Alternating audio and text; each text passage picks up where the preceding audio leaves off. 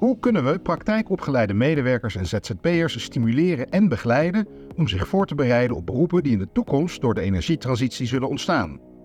Door middel van praktijkgericht onderzoek, gefinancierd door instituut GAK, gaan we op zoek naar het antwoord op deze vraag en ontwerpen we, samen met medewerkers, ZZP'ers, organisaties en sociale partners, effectieve initiatieven om dit te bewerkstelligen. Ontwikkelingen zoals de energietransitie hebben belangrijke implicaties voor het werk en de arbeidsmarkt. Dit vraagt om aanpassingsvermogen van werkenden en werkgevers. Deze transities brengen namelijk ook grote verschuivingen in werkgelegenheid tussen sectoren en veranderingen in de aard en inhoud van het werk met zich mee. Maar om wat voor veranderingen gaat het precies? En wat betekent dit voor de praktijkopgeleide vakmensen, die zo hard nodig zijn om de energietransitie te realiseren? In deze podcast willen we het gesprek hierover op gang brengen. Erg leuk dat je luistert. Mijn naam is Nikki. Ik ben praktijkonderzoeker bij Saxion Lectoraat Employability Transition. En bij mij aan tafel zitten Jacqueline en Bas. Jacqueline en Bas, welkom. Zouden jullie je misschien kort voor kunnen stellen? Jazeker. Mijn naam is Jacqueline Tervoor de Bovendeer en ik ben hoofddocent eh, onderzoeker bij Saxion. En dus als onderzoeker ook werkzaam bij hetzelfde lectoraat als Nicky net benoemde. Ja, mijn naam is Bas van Dongen. Ik ben innovatiemakelaar talent en welzijn bij Stichting Pioneering. En jarenlang werkzaam geweest in de bouw als HR-manager. De energietransitie gaat over de overgang van fossiele grijze brandstof naar hernieuwbare groene energie. De energietransitie is overal zichtbaar. Denk aan de bouw van energie-neutrale woningen, de opkomst van elektrisch vervoer en de aanleg en verbreding van ondergrondse energienetwerken. Al deze initiatieven dragen bij aan een meer klimaatneutrale wereld, maar zorgen ook voor uitdagingen op het gebied van arbeidsmarkt en human capital. Om nu en in de toekomst stappen te kunnen zetten, zijn nieuwe en anders opgeleide vakmensen nodig. Deze vakmensen zijn door een krappe arbeidsmarkt moeilijk te vinden. Het aantal vacatures is groter dan het aantal werkenden. Van de vacatures die te maken hebben met de energietransitie is maar liefst 36% onvervulbaar. Jacqueline en Bas, ik wil jullie graag een stelling voorleggen rondom de uitdagingen op het gebied van de energietransitie en de arbeidsmarkt. En die stelling luidt: de arbeidsmarkt moet op de schop om de energietransitie te kunnen realiseren. Jacqueline, mag ik jou vragen om eerst te reageren op deze stelling? Jazeker. Interessante stelling. Ik denk dat die deels waar is. Want ik denk eigenlijk ook dat de energietransitie er andersom ook al voor zorgt dat die arbeidsmarkt verandert. Um, wat je namelijk bijvoorbeeld al ziet, is dat bepaalde banen echt gaan verdwijnen en dat de werkgelegenheid vermindert. Denk bijvoorbeeld aan kolencentrales, gascentrales die gaan sluiten. En daarmee is natuurlijk nog niet alles gezegd, want er is natuurlijk ook al een groot tekort aan handen voor de energietransitie. Oké, Bas, hoe kijk jij er tegenaan? Uh, nou, de energietransitie is een enorme maatschappelijke uitdaging. Um, en dat zal heel veel betekenen voor mensen op de arbeidsmarkt, maar ook voor organisaties.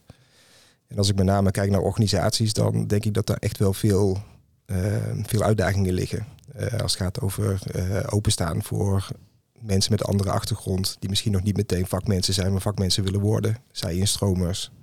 Hoe ga je daarmee om? Hoe stel je daar open voor? Wat je nu heel veel ziet, dat vakmensen ehm, niet echt betrokken worden bij deze transitie en bij de uitdagingen die daarbij uh, die eraan gekoppeld zijn. Die zijn min of meer wordt dat geregeld door managers, door uh, stafmensen. Net als ik zelf in het verleden HR-manager was, dan ligt dat vraag, dat vraag heel vaak bij mij. Terwijl ik denk dat we juist open moeten staan. Hoe kijken vakmensen tegen deze transitie aan? Wat denken zij daarover? Dat we ze veel meer, veel meer moeten betrekken in deze, deze transitie. Ja, en in aanvulling daarop, Bas. Kijk, ik kan me het heel goed voorstellen hè, wat je zegt over die organisaties. Uh, want we zien natuurlijk ook dat binnen organisaties dat banen veranderen. Uh, dat er ook banen komen waar meer vraag naar is. En dat er ook echt nieuwe banen ontstaan. En het is voor organisaties natuurlijk heel belangrijk dat medewerkers uh, daarin op een goede manier worden meegenomen. Ja, Jacqueline, ik ben wel benieuwd welke banen je dan nieuw ziet ontstaan of die veranderen. Heb je daar beeld bij? Uh, ja, natuurlijk banen. Uh, denk bijvoorbeeld uh, in de bouwsector. Hè, een monteur zonnepanelen zie je ontstaan, omdat natuurlijk woningen steeds energiezuiniger worden gebouwd. Dat is natuurlijk nieuw. banen die veranderen. Denk, kijk bijvoorbeeld naar de installatietechniek als het gaat om het leidingwerk. dan zie je dus dat er echt wel gewerkt wordt met steeds complexere leidingen en dergelijke. Mm Oké, dus er ontstaan nieuwe banen, banen veranderen. Maar hoe kijkt die vakmens uit de praktijk daar zelf nou tegenaan? Wat verandert er? We hebben interviews afgenomen met medewerkers en ZZP'ers uit de praktijk. Wat zeggen zij daar zelf over? Jacqueline, kun jij daar wat over vertellen? Jazeker. Ja, ik zie wel een verschil tussen hoe een ZZP'er daar tegenaan kijkt en hoe een medewerker daar tegenaan kijkt. Op sommige punten kijken ze er wel hetzelfde tegenaan. Hè, want nog niet altijd, en dat geldt zowel voor ZZP'ers als voor medewerkers, wordt de urgentie echt gevoeld. Want men zegt eigenlijk over het algemeen van joh, maar er is nog werk genoeg. En um, als we in de toekomst, als er dan meer vraag zal zijn naar iets, ja, dat zien we dan wel weer. Maar nu is er eigenlijk nog werk genoeg. Dus waarom zouden we ons dan echt daar al mee bezighouden? Dat is één punt wat voor mij al heel duidelijk naar voren kwam in die interviews. Ja, ja dat vind ik op zich niet gek, want uh, in mijn tijd als uh, eh, HR-manager uh, ehm, hadden we wel eens uh, strategische sessies binnen de organisatie. En dan werden vakmensen vaak niet eens uitgenodigd voor die strategische sessies met uh, de achterliggende gedachten, die zijn daar niet mee bezig. dit gaat over strategie, over verdenken, of uh, naar, de toekomst toe denken. Nou, als je daar dus al in die setting zit, dat je vakmensen niet betrekt bij de toekomst, ja, dan is het ook niet gek dat ze daar niet mee bezig zijn. Dus ik zou het heel mooi vinden als we echt vakmensen ook meer in de lead zetten, meer betrekken bij dit soort vraagstukken. Ja, dat is een hele mooie. Daar gaan we straks ook nog verder op in. Um, Jij geeft aan, vakmensen worden eigenlijk niet betrokken bij de ontwikkelingen die er zijn. Hebben zij dan wel een beeld van wat er allemaal verandert op de arbeidsmarkt? In mijn beleving lang niet altijd. Um, als ik bijvoorbeeld kijk naar een ZZP'er, die zegt ook heel vaak van nou, de tijd is gewoon ook heel erg schaars op dit moment. Want mijn orderportefeuille die is nog helemaal gevuld. Ik moet nu eigenlijk zorgen dat ik mijn werk echt nog afkrijg. Het is nog hartstikke vol. En um, ja, het is dan ook een stukje inkomstenderving als ze zich ineens bezig zouden moeten houden met uh, de andere ontwikkelingen. Een stukje scholing daar eventueel voor. En daar hebben ze en nu nog niet echt, voelen ze nog niet echt een noodzaak voor in dat opzicht vaak. En de orderportefeuille is nog gevuld. Dus waarom zouden ze zich daar dan überhaupt mee bezighouden nu?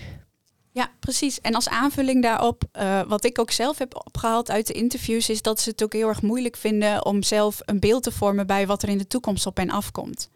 Hè, zoals er iemand die letterlijk tegen mij zei van ja, het is echt koffiedik kijken wat de toekomst doet. En um, ik kan mij nu wel al bezig gaan houden met die warmtepompen of met die zonnepanelen. Maar A, hoe ziet dat er in de toekomst uit? Hè? Het is eigenlijk allemaal nog best wel in ontwikkeling. We moeten, uh, daar moeten echt nog wel stappen gezet in worden. Maar ook B, als ik daar nu in ga investeren, hoe verdient zich dat dan op de termijn terug? Dat is best wel een risico dat je neemt. En um, ja, dat zijn ook dingen die, die dan, ja, ze denken er wel over na. Maar dat zijn wel dingen die ja, dan in die zin remmend kunnen werken daarin. Herken jij dit ook, Bas? Vanuit jouw uh, uh, ja, maar ik kan me wel voorstellen dat het voor een ZZP'er, want daar hebben we het nu over, hè, dat, het, dat het best ook complex is. precies wat jij zegt, wat, wat heeft dat voor consequenties? Eh, waar gaat die techniek naartoe? Wat betekent dat voor mijn werk? Moet ik daar nu op investeren? Ja, nee. Krijg ik dat straks terug? Uh, ik denk dat dat best grote vragen zijn. Ja. ja. En bij organisaties zie je dit soort vraagstukken daar ook terug? Ja, bij organisaties ligt het net anders. Vakmensen daar uh, worden aangestuurd vanuit de organisatie. Nou, organisaties staan mega onder druk als het gaat over het werk wat er is. Veel werk, capaciteitsproblemen. We zeiden net al, uh, vakmensen zijn moeilijk te krijgen. Dus de capaciteit die je hebt, wordt zoveel mogelijk ingezet. Dus de focus is op uren maken, op werk realiseren. Uh, dus daar hebben ook vakmensen niet echt de tijd of krijgen de tijd om na te denken en, en mee te gaan in die ontwikkeling. Of, dus daar zit met name die druk. Ja, de focus ligt heel erg op productie en rendement. Ja, zorgen dat het werk klaar uh, gemaakt wordt. Ja. ja. Jij hebt ook medewerkers gesproken, Jacqueline, uh, voor het onderzoek. Herken jij dit? Ja, dat herken ik wel. En daarbij wil ik dan nog aanvullen dat eh, de medewerkers dan ook aangeven eigenlijk van ja, weet je, ik zie in mijn eigen werk nog nauwelijks veranderingen daarin. En als er iets belangrijks is, nou dan uh, zal mijn leidinggevende dat wel weten. Um, en dan hoor ik dat wel van mijn leidinggevende als ik daar iets aan moet doen. Dus ik zie daar dat ze zich wat afwachtend opstellen en vooral bezig zijn met het nu. Ja, dus het is best wel reactief. Ja, ja, ja dat is heel herkenbaar. Uh, en ergens vind ik dat raar. Uh, want waar, wie gaan uiteindelijk zorgen dat die energietransitie uh, ook daadwerkelijk gerealiseerd wordt? Dat zullen de vakmensen zijn. Dat zijn niet de leidinggevenden. Maar een vakman is aan het wachten op zijn leidinggevende. En dat vind ik nog steeds een hele boeiende methodiek en systeem wat we hebben ingeregeld. Ehm, je ziet denk ik echt vakmensen echt naar die leidinggevende kijken. Hè? Precies wat Jacqueline zegt. Die zijn heel afwachtend, reactief. Terwijl een leidinggevende misschien veel meer moet faciliteren of gaan faciliteren. Dat de vakman de ruimte krijgt om zelf in beweging te komen. Ehm, maar daar zit denk ik een grote uitdaging voor de arbeidsmarkt, voor organisaties om dat met elkaar te realiseren. Dat er beweging komt. Vakmensen in beweging komen. Om daadwerkelijk stappen te kunnen zetten is werk aan de winkel nodig. Om- en bijscholing van arbeidskrachten is nodig om de energietransitie te realiseren. Met omscholing wordt bedoeld het opdoen van kennis en vaardigheden voor een ander beroep. Denk hierbij bijvoorbeeld aan zij- en stromers. Met bijscholing wordt bedoeld het opdoen van kennis en vaardigheden die van pas komen in het huidige beroep of voor een functie in het verlengde van dit beroep. Bijvoorbeeld een installatiemonteur die een hybride warmtepomp leert installeren. De brandende vraag die we proberen te beantwoorden met ons onderzoek is: wat stimuleert of remt praktische vakmensen om aan de slag te gaan met om- en bijscholing voor de energietransitie? Wij hebben hierover enkele vragen gesteld aan Marco en Job, twee vakmensen uit de praktijk. Laten we maar eens luisteren naar wat zij hierover te vertellen hebben. Ik ben Marco, ZZP'er, uh, 47 jaar oud. Uh, werk uh, nu uh, 9 jaar zelfstandig. En mijn hoofdbranche is in voornamelijk badkamers en kleine, kleine verbouwingen en aanpassingen aan uh, installatiewerk in, uh, in woningen. Marco, waar denk je aan bij het woord energietransitie? Uh, over de warmtepomp en uh, zonnepanelen. Dat, uh, dat werk, het, uh, het, het, het, groene, het groene leven van, uh, van vandaag de dag. Oké. Okay. En kom je dat tegen in je werk? Werk je daar? Nee, nee ik, uh, in mijn werk uh, niet zeg maar. Dat, nee, ja, van collega's hoor je, hoor je het wel. Maar zelf, zelf heb ik me daar niet, niet in gespecialiseerd, zeg maar. Je merkt ook niet dat er veranderingen aankomen door eventueel energietransitie. Je merkt dus verandert daardoor. Nee, mijn werk in principe, nee. Mijn werk heeft daar eigenlijk niet zo heel veel meer van doen, zeg maar. Ja, zeg, je, kunt, je kunt die richting zelf wel opgaan. Maar zeg, dat is net van de cursus wat je, wat je maakt, zeg maar. Maar er zit op het moment zoveel al in die arbeidslijn, zeg maar. Dat je, ja... Uh, de markt is daarin volgens mij al redelijk uh, verzadigd, zeg maar. Uh. Oké. Okay. Um, en wat motiveert jou dan wel om bijvoorbeeld aan de slag te gaan met ontwikkeling, opleiding? Bij, uh, voor mijn leeftijd, of voor mijn leeftijd, maar om daar nog weer een, een, een omscholing in te doen. Ja, zeg, dat is wel een, een, een, dingetje, zeg maar, dat je, ja, om je iets meer kennis te geven van bepaalde uh, producten, zeg maar. Maar dat is niet het, ja, het, het algemene, zeg maar. Maar gewoon van bepaalde, van bepaalde mengen, zeg maar. Uh, Zo'n een, een, een waterharder of een, uh, ja, noem maar een, een, een, een, elektrische vloerverwarming. Kijk, dat, daar zou ik dan wel iets meer ja, kennis van willen hebben, zeg maar. Dat je dat ook kunt vragen of in ieder geval kunt uh, overleggen met de klant, zeg maar. Ja. Van als je daar eens een vraag van krijgt van, ja, hoe je wat. Ja, oké. Okay. Hoe leer jij dan nu het makkelijkst? Is dat, is dat dan via cursus of een andere manier? Nee, meestal is het in de praktijk. Ja, je, leren vanuit de praktijk en uh, gewoon met een uh, vertegenwoordiger, zeg maar. Er komt een vertegenwoordiger, komt er langs en daar heb je gewoon, ja, daar heb je gewoon een gesprek mee. En die, die doet je bepaalde dingen voor. En ja, zo leer je dat eigenlijk, ja, um, te pas en te onpas uh, leer je met dingen overweg te gaan, zeg maar. Maar eerst een cursus, nee, eigenlijk, nee, nog niet. Ik ben Joop de Jong. Ik woon in Zwolle en ik ben werkzaam als uitvoerder in de WTB, de werktuigbouw, voor een aannemer in de rioolwaterzuiveringstechnieken. Nou, dankjewel. en we zitten hier dus om een paar vragen met je door te nemen. De eerste vraag, uh, Joep, is uh, waar denk je aan bij het woord energietransitie? Het eerste uh, woord wat in opkomt is noodzaak. Ja, noodzaak. En als ik er iets langer over nadenk, dan kom je vanzelf op nieuwe of hernieuwde vormen opzoeken, aanspreken, uh, in het werk zetten. Maar het eerste wat toch bij me opkomt is, is noodzaak. Oké, dankjewel. En is dat um, iets wat in jouw werk dus ook nu noodzaak heeft? Dus je voelt het als een noodzaak. Merk je het in, jou, uh, in je werk? Ja, ik merk het wel, maar eigenlijk indirect. Een noodzaak omdat de klant het een noodzaak vindt. Zo zie ik dat al wel uh, bij, bij de aannemerij in heel veel dingen. Uh, wij zijn daarin behoorlijk reactief. Je wordt wel ja, continu wel op de feiten gedrukt dat het, het speelt wel, het, het heerst wel, het, het, is wel een beleving, ook onder de mensen. Maar ook daarin zijn, je, zijn we wat, wat afwachtend. Ook omdat je ja, vanuit de, de aannemerij, je, je zoekt niet de risico's direct op. Als iets werkt, je staat een betrouwbaar systeem om, om je geld te verdienen. En iets nieuws, daar kleeft ook altijd weer een risico aan. En is dat ook wat je eigenlijk tegenhoudt daarmee, zeg maar? Is dat iets, uh, zou dat remmend kunnen werken? Dus dat je daar toch wat afwachtend in bent? Ja, eigenlijk is dat wel de, de oorzaak van je, van je houding. Het is nog niet bewezen. En wat achter je ligt, daar weet je wat je, wat je daaraan hebt. Je weet wat je altijd gemaakt hebt, daar vertrouw je op en hoe je het gemaakt hebt.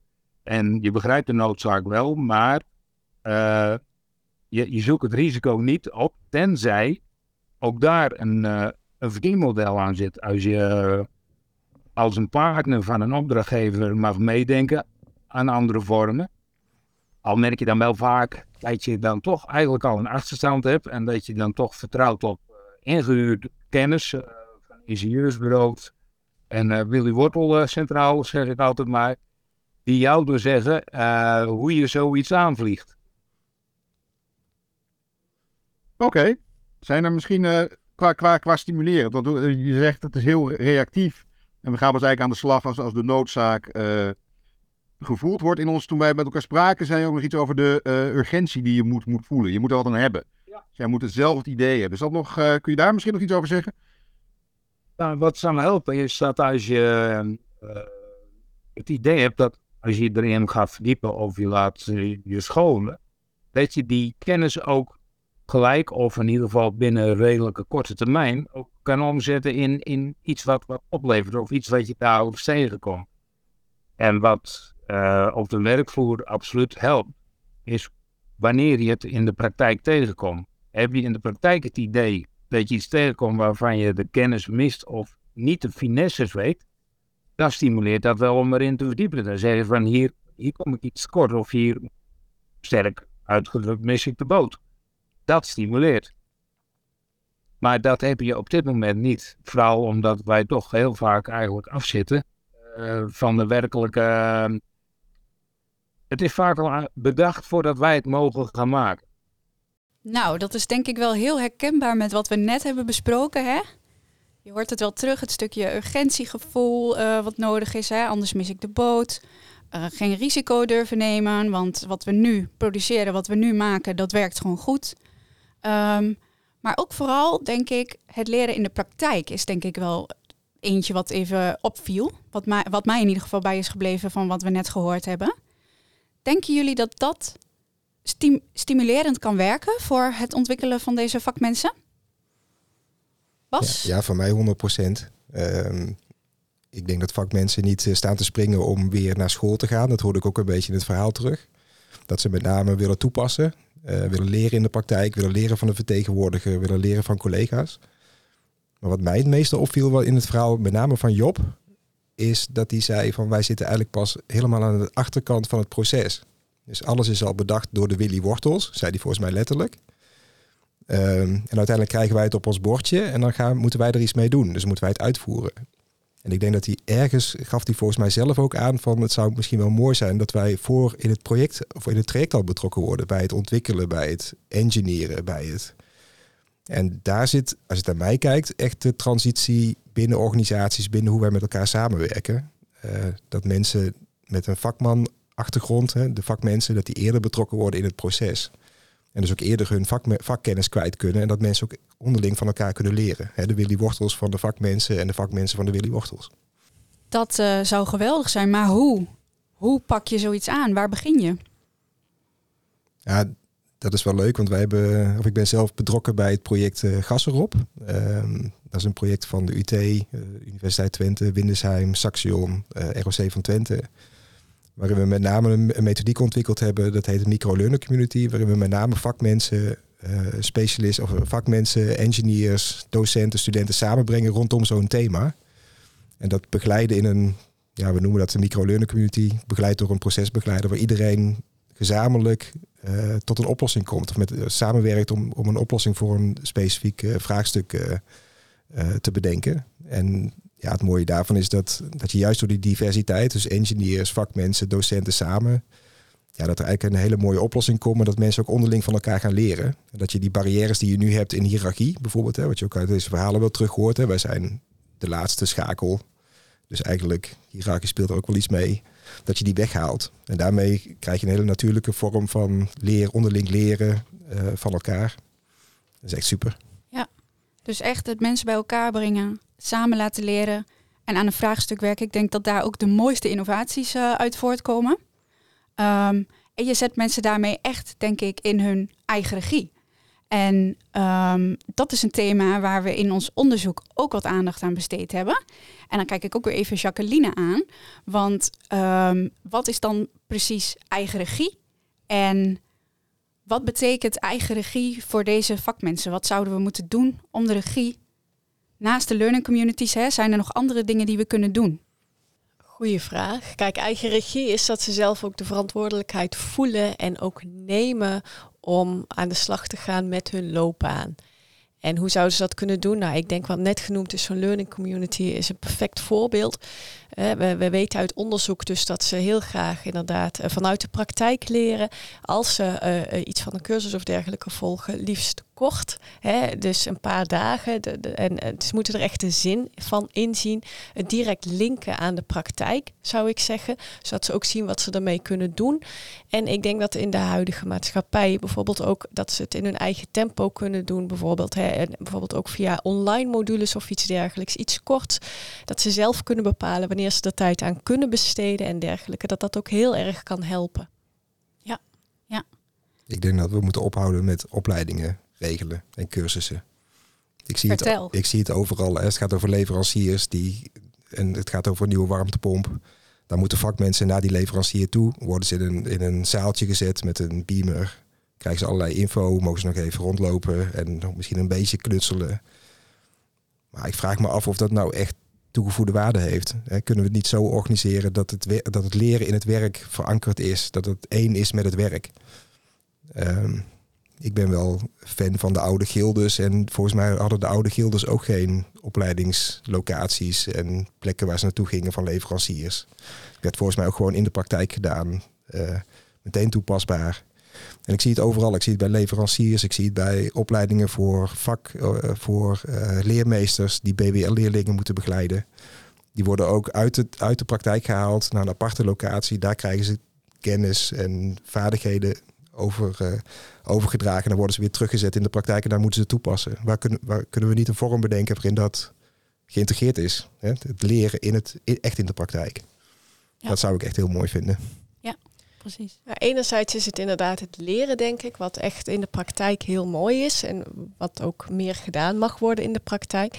Anderzijds, volgens mij, als het ook echt gaat om uh, dat men gestimuleerd wordt door de nieuwe ontwikkelingen, um, kan volgens mij juist uh, um, die nieuwe ontwikkelingen die eh, leveranciers en zo allemaal al meemaken en dergelijke, die kunnen medewerkers, of ja, vooral ZZP'ers eigenlijk, die vinden dat juist wel een hele stimulans om daar al naartoe te gaan, naar die uh, leveranciers, om ervoor te kijken van hé, maar wat doen zij dan? Leveranciers kunnen hen dan ook helpen met de praktische problemen.